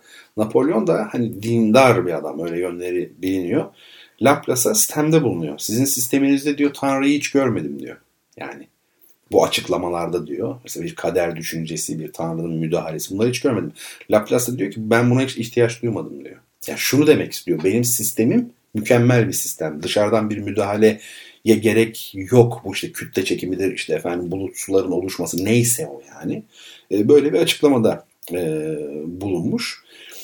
Bir de şunu söyleyelim. Dedim ya materyalizm çok bilimle iç içe görünüyor ama öyle materyalist anlayışlar var ki bilime yakın olma noktasında idealist felsefenin daha gerisinde. Yani materyalist felsefe ama mekanik materyalist felsefe. O açıdan baktığımızda da bilimle aslında çok böyle yakın gibi görünüyor ama aslında hiç de yakın değil. Çünkü mekanik, mekanik materyalizm bu. Ee, birinci şeyi bu, problem bu. İkincisi de e, tarihsel ve sürekli evren anlayışının o anlamda eksikliği olmuş oluyor. Mekanik materyalizme göre bakın şöyle söyleyeyim. Bir daire gibi düşünün. Dairenin birbirine en uzak iki yönü iki noktası özür dilerim. Birbirine en uzak iki noktası aynı zamanda en yakın iki noktasıdır değil mi? Şimdi bakıyorsunuz bir tarafta materyalizmin en katısı mekanik materyalizm yani Descartes'in söylediği şeyler.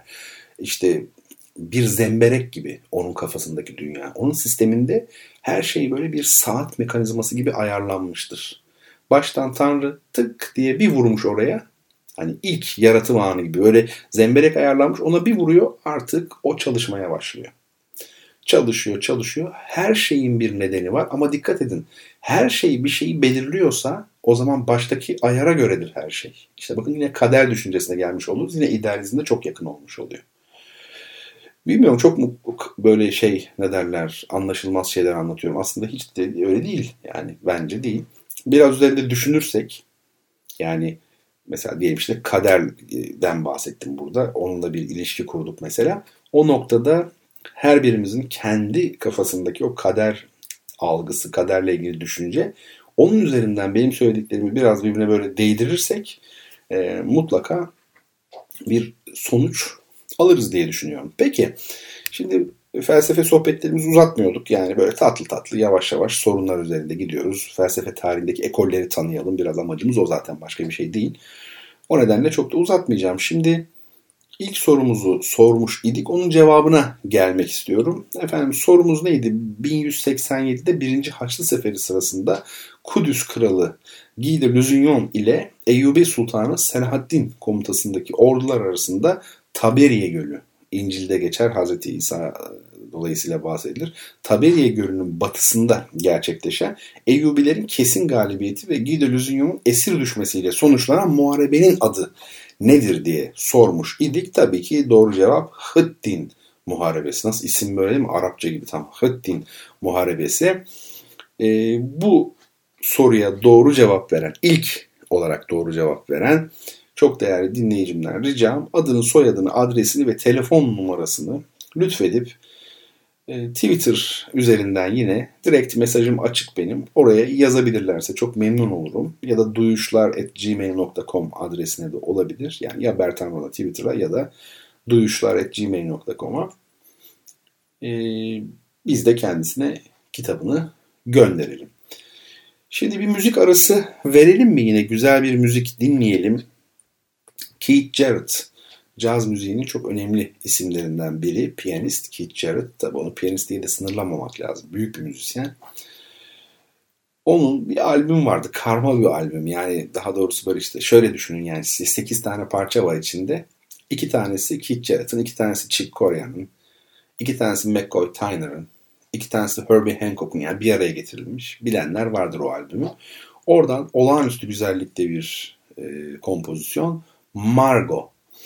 Margo'yu dinleyelim ve programımızın son kısmında çok sevgili dinleyicilerim yine sizlerle birlikte olacağız.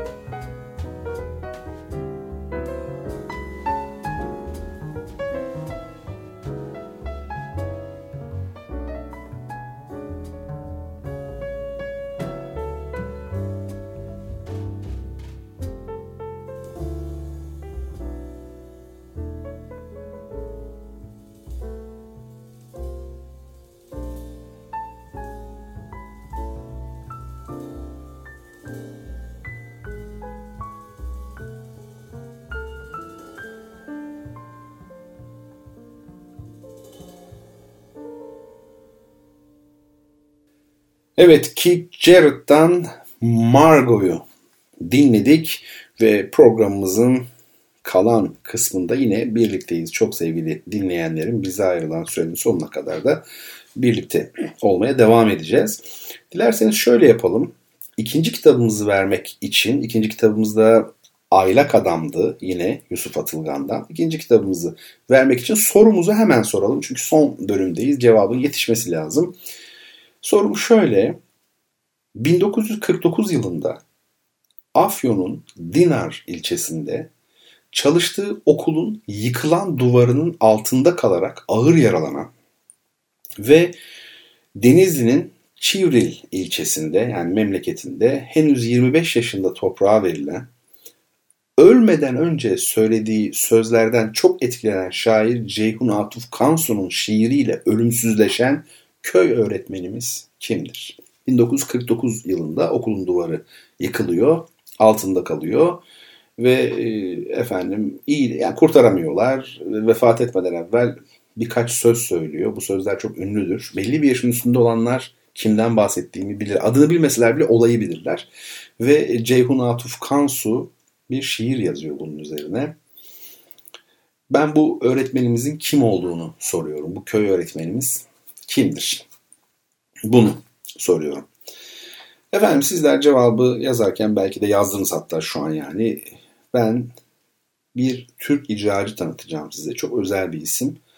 Bildiğiniz üzere son haftalarda çok sesli müzik geleneğimiz içerisinde yeri olan hem de dünyada tanınmış olan önemli solistlerimizi tanıtmaya çalışıyorum. Sizlerle paylaşıyorum. İdil Biret gibi, Suna Kan gibi, Verda Erman gibi. Bu gecede Hüseyin Sermet'ten söz edeceğim. Öyle zannediyorum ki bizim en büyük piyanistlerimizden biri belki de başında geleni. Şimdi e, Hüseyin Sermet'in fotoğraflarından bazılarını Instagram'a yükledim. Bertan Rona hesabından bakabilirsiniz. E, ilk iki fotoğraf piyanosuz diyelim. Gerçi ilkinde piyano görünüyor soldan biraz ama piyanonun kapağı e, görünüyor. Fakat klavye falan görünmüyor. İkinci fotoğrafta e, piyano yok. Bir poz verilmiş. Üçüncü fotoğrafta arkada piyano görünüyor. Bu fotoğraflara bakabilirsiniz hepsine. Daha sonra yine piyano başında daha güncel bir fotoğrafı, daha yeni bir fotoğrafı. Ardından da iki tane CD paylaştım. Bir tanesinde Beethoven çalıyor. Hüseyin Sermet. O bir gençlik kaydı galiba. Birinde de Ravel çalıyor. Burada tabii kapaktaki gördüğünüz o kişi Ravel, Hüseyin Sermet değil. Bu albüm gerçekten olağanüstü bir albümdür. Yani benim e, evdeki CD'lerim arasında en değerlerinin başında gelir. Ödül almış bir kayıt zaten. Bu kadar mı muhteşem Ravel çalınır? Gerçekten Ravel'i Ravel gibi yani çalmış. Olağanüstü söylenecek hiçbir şey yok. Repertuarın en zor, icra etmesi en güç yapıtları var burada. Gaspar de la Nuit gibi daha başka eserler de var. Tek kelimeyle eşsiz bir albüm. Spotify'dan mı dinlersiniz artık, CD'yi mi alırsınız, nasıl olacak bilmiyorum ama muhteşem tek kelimeyle. Ve son olarak da yine piyanosuz bir fotoğrafı Hüseyin Sermet'in. Bu daha tabii yeni bir fotoğraf. Çiçeklerle görüyorsunuz kendisini. Fotoğraflardan söz etmiş olduk. Biz burada şimdi onu tanıyalım esas. Hüseyin e, Sermet kimdir? Efendim. E, Hüseyin Sermet 1955 yılında İstanbul'da doğmuş bir isim. Küçük yaşlardan itibaren e, babası Cüneyt Sermet'le e, müzik dolu bir evde büyüyor. Şimdi Cüneyt Sermet de Türkiye'de e, caz müziği konusunda çok tanınmış bir isimdir, bilinen bir isimdir. Onun oğlu Hüseyin Sermet 1965 yılında yani 10 yaşındayken Ankara Devlet Konservatuvarı'na giriyor ve orada Saygun'un, Erkin'in, Ulvi Cemal Erkin'in ve Ferhunde Erkin'in talebesi oluyor. 68'de harika çocuk yasası ile Türk hükümeti tarafından eğitimini sürdürmek üzere Fransa'ya Paris Konservatuvarı'na gönderiliyor. Yani ben 10 kişi falan bile 10 mu 8 mi Paris Konservatuvarı'na o şekilde gönderilen biri de Hüseyin Sermet'tir. Ee, Paris Konservatuvarı'nda piyano, oda müziği, kontrpuan ve müzik analizi dallarında birincilikler alıyor. Yani bu bölümleri birinci olarak bitiriyor. Olivier Messiaen ile bestecilik çalışıyor ki Messiaen 20. E, yüzyılın en önemli bestecilerinden biridir. Olivier Messiaen. E, Thierry de Brunoff'la çalışıyor. Bir de Nadia Boulanger. Bunlar çok efsanevi isimler. Yani Messiaen zaten besteci olarak öyle. Nadia Boulanger çok büyük bir öğretmen. Onunla çalışıyor. Ve daha sonra Londra'da e, Maria Curcio ile çalışmalarına devam ediyor. Böylelikle Hüseyin Sermet eğitimini tamamlamış oluyor. E, bundan sonra biz Hüseyin Sermet'i tabi olması gerektiği gibi yani mezuniyetin ardından yarışmalara katılmak. Bu camia, bu dünya böyle. Yani acımasız biraz yarışmalarda kendinizi kanıtlamanız gerekiyor. Şöyle 5-10 yarışma kazanacaksınız en az dereceye gireceksiniz ki isminiz duyulsun, yeni angajmanlar kazanın. Tabii çeşitli lobileri aşabilirseniz öyle kolay değil. Şimdi e, Hüseyin Sermet 1974 yılında Münih Uluslararası Oda Müziği yarışmasında birinci olmuş. 75'te Maurice Ravel Uluslararası Piyano Yarışması'nda üçüncü olmuş ve Lily Boulanger ödülünü kazanmış. Nadia Boulanger'in kardeşidir Lily Boulanger. 76'da Paloma O'Shea Uluslararası Piyano Yarışması'nda birinci olmuş İspanya'da. 80'de Ferruccio Busoni Uluslararası Piyano Yarışması'nda dördüncü olmuş İtalya'da. 81'de İspanya'da Premio de Jaén Uluslararası Piyano Yarışması'nda birinci olmuş. 81'de İtalya'da Ettore Pozzoli Uluslararası Piyano Yarışması'nda yine birinci olmuş. 81'de İspanya'da Jose Iturbi Uluslararası Piyano Yarışması'nda üçüncü olmuş. 83'te İtalya'da Paolo Nelia Uluslararası Piyano Yarışması'nda birinci olmuş. 1983'te Belçika'da Kraliçe Elizabeth Uluslararası Piyano Yarışması'nda finalist olmuş. 1985'te İsviçre'de Geza Anda Uluslararası Piyano Yarışması'nda ikinci olmuş. Gördüğünüz gibi e, tabii mesela detayları okumuyorum. Şimdi mesela ikinci olmuş ya bu son yarışmada. Birincilik ödülü verilmemiş o yarışmada. Bazen jüri böyle takdir eder. Ya der ki birinciliğe layık kimseyi görmüyoruz falan ikincilik ödülü verelim mesela. Hani mesela ikinci diye okuyorum burada ama önünde kimse yok, birinci yok. Şimdi bunlar tabii prestijli ödüller ve ona tabii pek çok kapı açıyor. Konser anlaşmaları, angajmanlar vesaire vesaire plak işte kayıt sözleşmeleri. Ee, Hüseyin Sermet Milano'dan Meksika'ya, Londra'dan Tokyo'ya, Paris'ten Sao Paulo'ya dünyanın birçok önemli şehrinde tanınmış konser salonlarında konserler vermiş ve Santander'den Yokohama'ya, İstanbul'dan Monte Carlo'ya birçok ünlü festivallere de konuk olmuş. Aralarında Rostropovich'in, Başmet'in, Pirez'in, Raimondi'nin ve Portal'in bulunduğu tanınmış müzisyenlerle Lombard'ın, efendim Dorothy'nin, Matzel'in, e, Bichkov'un, efendim Foster'in, Rafael Furbeck de Burgos'un, Levin'in, e, Leitner'in, Ferdinand Leitner'in, efendim Krivine'nin ve Otomo'nun bulunduğu önemli orkestra şefleriyle Paris'te e, Lyon Senfoni Orkestrası ile efendim mesela Monte Carlo Opera Orkestrası ile Detroit Senfoni Orkestrası ile Belçika Ulusal Senfoni Orkestrası ile Liège Senfoni Orkestrası ile Tokyo Senfoni, efendim Nippon Senfoni. O yani pek çok burada e, önemli orkestra, İngiliz Oda Orkestrası, Lozan Oda Orkestrası, Krakow Oda Orkestrası, Moskova Radyo Senfoni, Baviera Radyo Senfoni gibi topluluklarla konserler veriyor. Zaten bu e, düzeydeki piyanistlerin yani bir konser piyanistinin hayatı efendim uçak, otel, konser salonu. Başka bir şey yok yani. Yılda 52 hafta varsa her hafta bir konser olsa 52 yani 52 konser olsa zaten her hafta bir konser yapıyor. E, inanılmaz bir şey tempo yani. Bu arada tabii kondisyonunu koruması lazım. Biz bir kere büyük bir piyaniste sormuştuk. Hani nasıl çalışmaya nasıl zaman ayırıyorsunuz falan dedi. Çalışmadan yani dedi haftada dedi 3 defa konser var zaten dedi. Ben orada çalışıyorum dedi çalarken falan. E tabi yani belli bir seviyede çalarken çalışırsın ne var yani. yani. Çok aslında uçuk bir şey değil. Şimdi Hüseyin Sermet bir taraftan da çok değerli dinleyenlerim piyano virtüozluğu kadar besteciliğe de tanınıyor aslında. Yani besteleri de var. Zaten kompozisyon eğitimi de almış konservatuvarda. Ee, bazı eserleri çeşitli festivallerde çalınmış. Emperi Festivali'nde mesela 97'de çalınmış bir eseri. Frans Müzik Radyosu'ndan da yayınlanmış. Bir de Tokyo Senfoni Orkestrası Hüseyin Sermet'e bir eser sipariş etmiş. Bize bir eser yaz diye. Dream and Nightmare, Rüya ve Kabus. Onun premieri de 2004'te İş Bankası tarafından sipariş edilen ha, onun 2004'te yapılmış İş Bankası tarafından sipariş edilen Sculptures e, adlı eserin premieri de 2006'da yapılmış. Böyle şeyleri de var. Efendim söyleyeyim e, eserleri de var. Şimdi pek çok da şeyi var tabii. CD'si var. Yani neler neler. Çok çok geniş repertuarı var. Diskografisi de çok zengin Hüseyin Sermet'in. Ne güzel değil mi? Yani ülkenizi bu şekilde temsil etmeniz, tanıtmanız. Yani siz onu çaldığınızda e, yurt dışında insanlar Hüseyin Sermet diye dinlemiyor sadece. Bir Türk piyanisti diyerek dinliyorlar. Bu çok önemli bir şey. Ülkeyi tanıtmak böyle olur. Başka şekilde değil yani. E, tabii ödülleri de var Hüseyin Sermet'in. Son olarak onu söyleyelim. E, 1991'de devlet sanatçısı unvanı almış. 88'de Boğaziçi Üniversitesi Fahri Doktorası.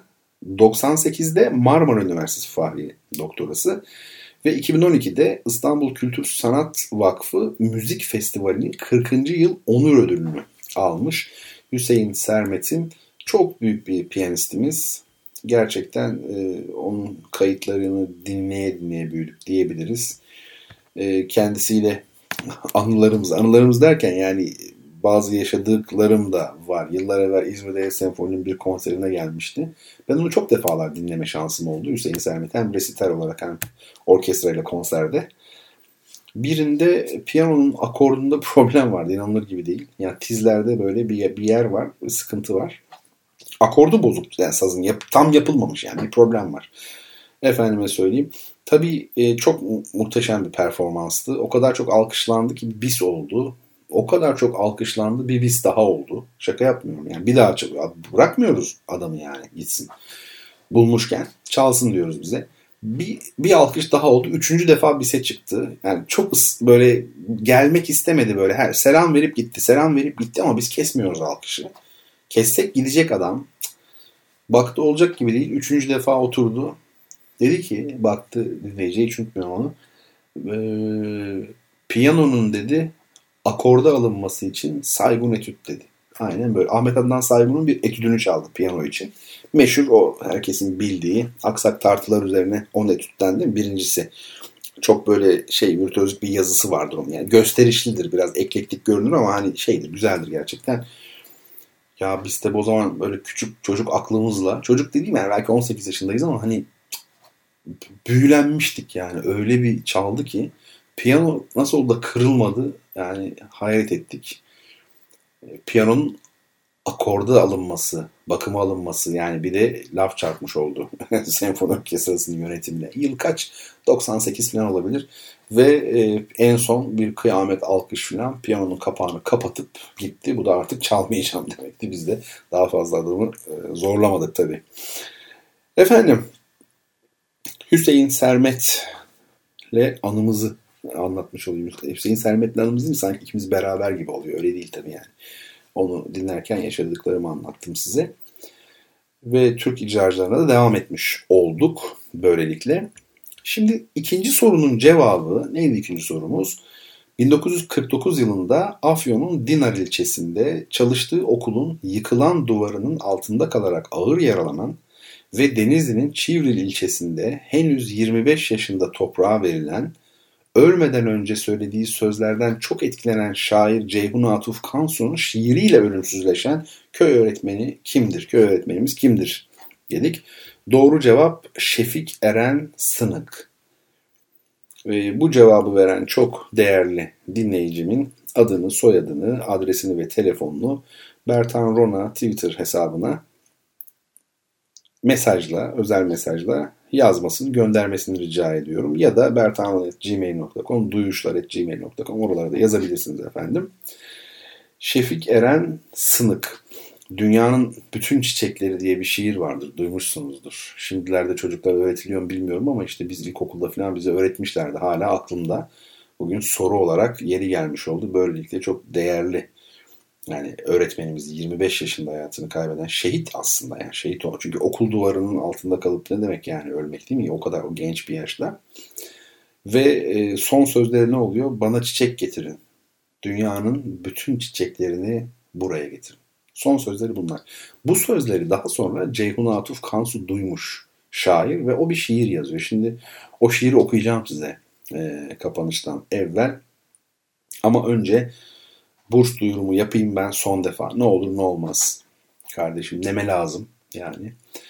Çok sevgili öğrenci kardeşlerimiz için eğer karınca kararınca 3 olur 5 olur yardımcı olmak istiyorsanız lütfen ama lütfen bize ulaşın ya da duyurun bunu olabildiğince. Miktar önemli değil. Efendim periyodu önemli değil. İster bir yıl olsun ister bir defaya mahsus verin. İster üç ister beş. Yeter ki hep birlikte ucundan tutalım.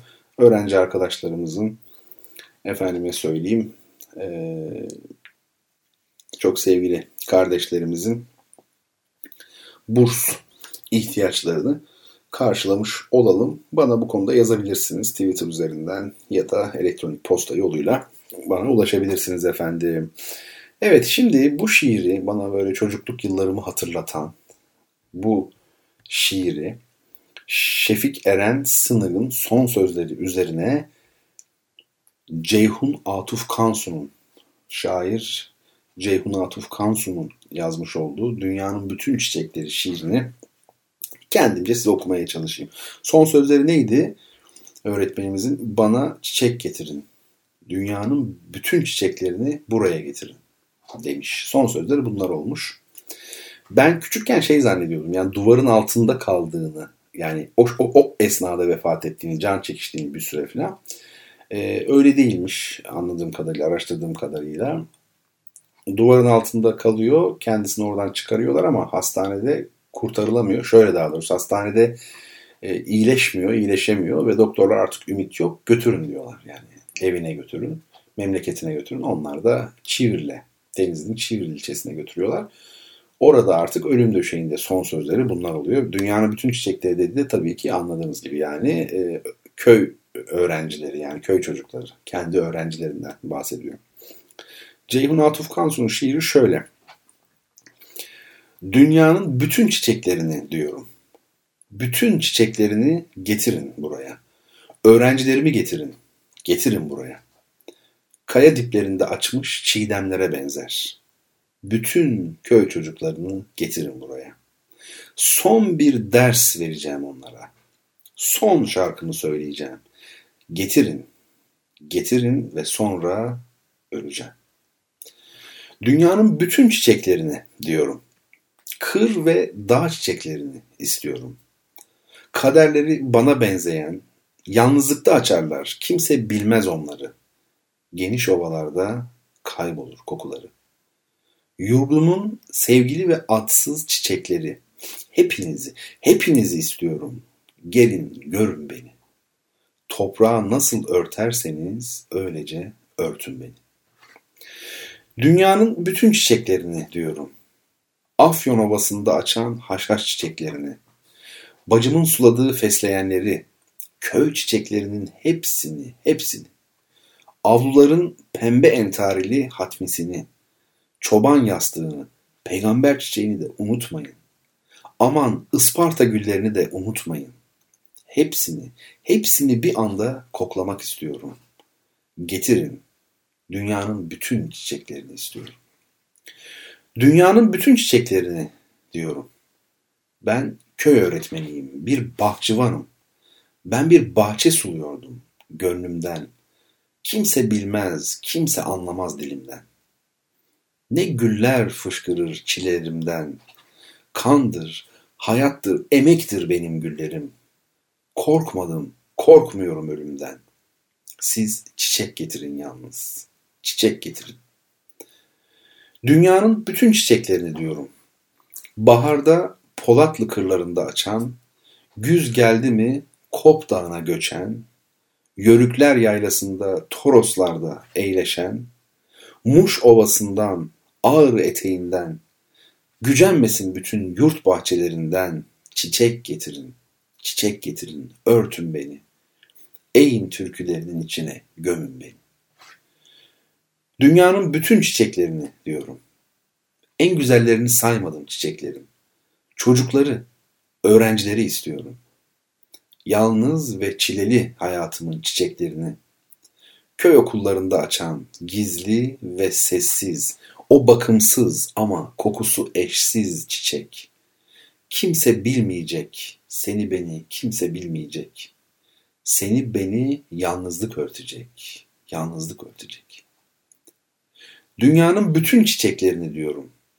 Ben mezarsız yaşamayı diliyorum. Ölmemek istiyorum, yaşamak istiyorum. Yetiştirdiğim bahçe yarıda kalmasın, tarumar olmasın istiyorum, perişan olmasın. Beni bilse bilse çiçekler bilir dostlarım. Niçin yaşadığımı ben onlara söyledim. Çiçeklerde açar benim gizli arzularım. Dünyanın bütün çiçeklerini diyorum. Okulun duvarı çöktü, altında kaldım. Ama ben dünya üstündeyim, toprakta. Yaz kış bir şey söyleyen toprakta. Çile çektim, yalnız kaldım ama yaşadım. Yurdumun çiçeklenmesi için daima yaşadım. Bilir bunu bahçeler, kayalar, köyler bilir. Şimdi sustum, örtün beni, yatırın buraya. Dünyanın bütün çiçeklerini getirin buraya. Evet, çok güzel yani içten böyle yazılmış, sanat kaygısı olmadan yazılmış bir e, şiir.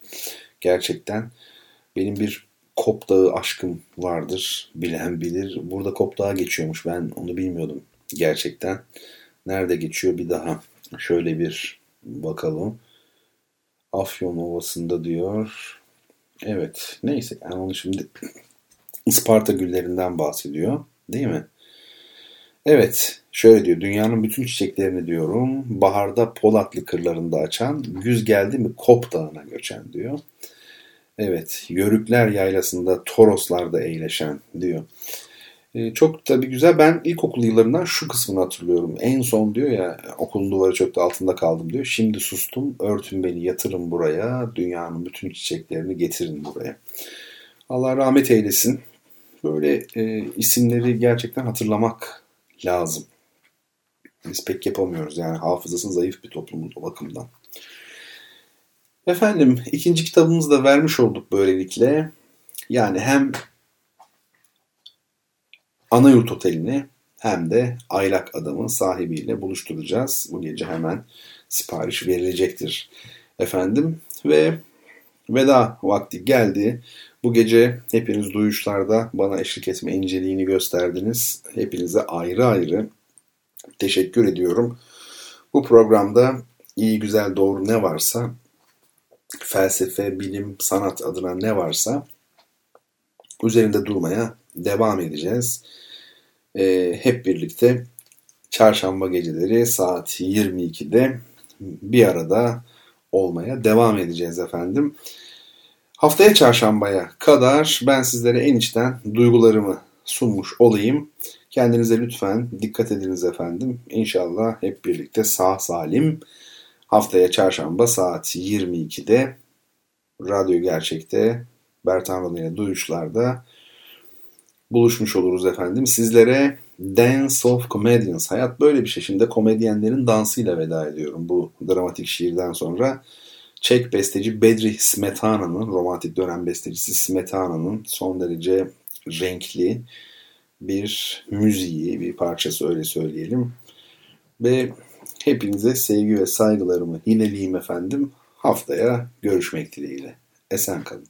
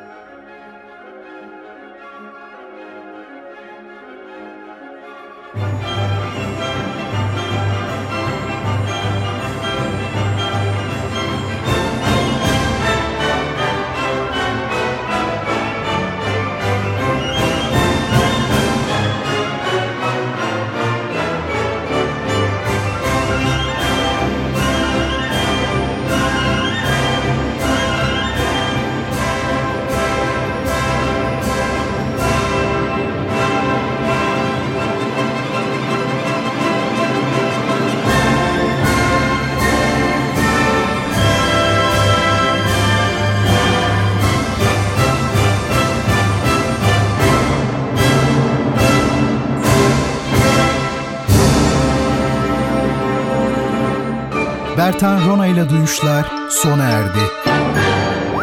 Bu program hakkındaki düşüncelerinizi dinleyen et radyogercek.com adresine mail atarak bize ulaştırabilirsiniz.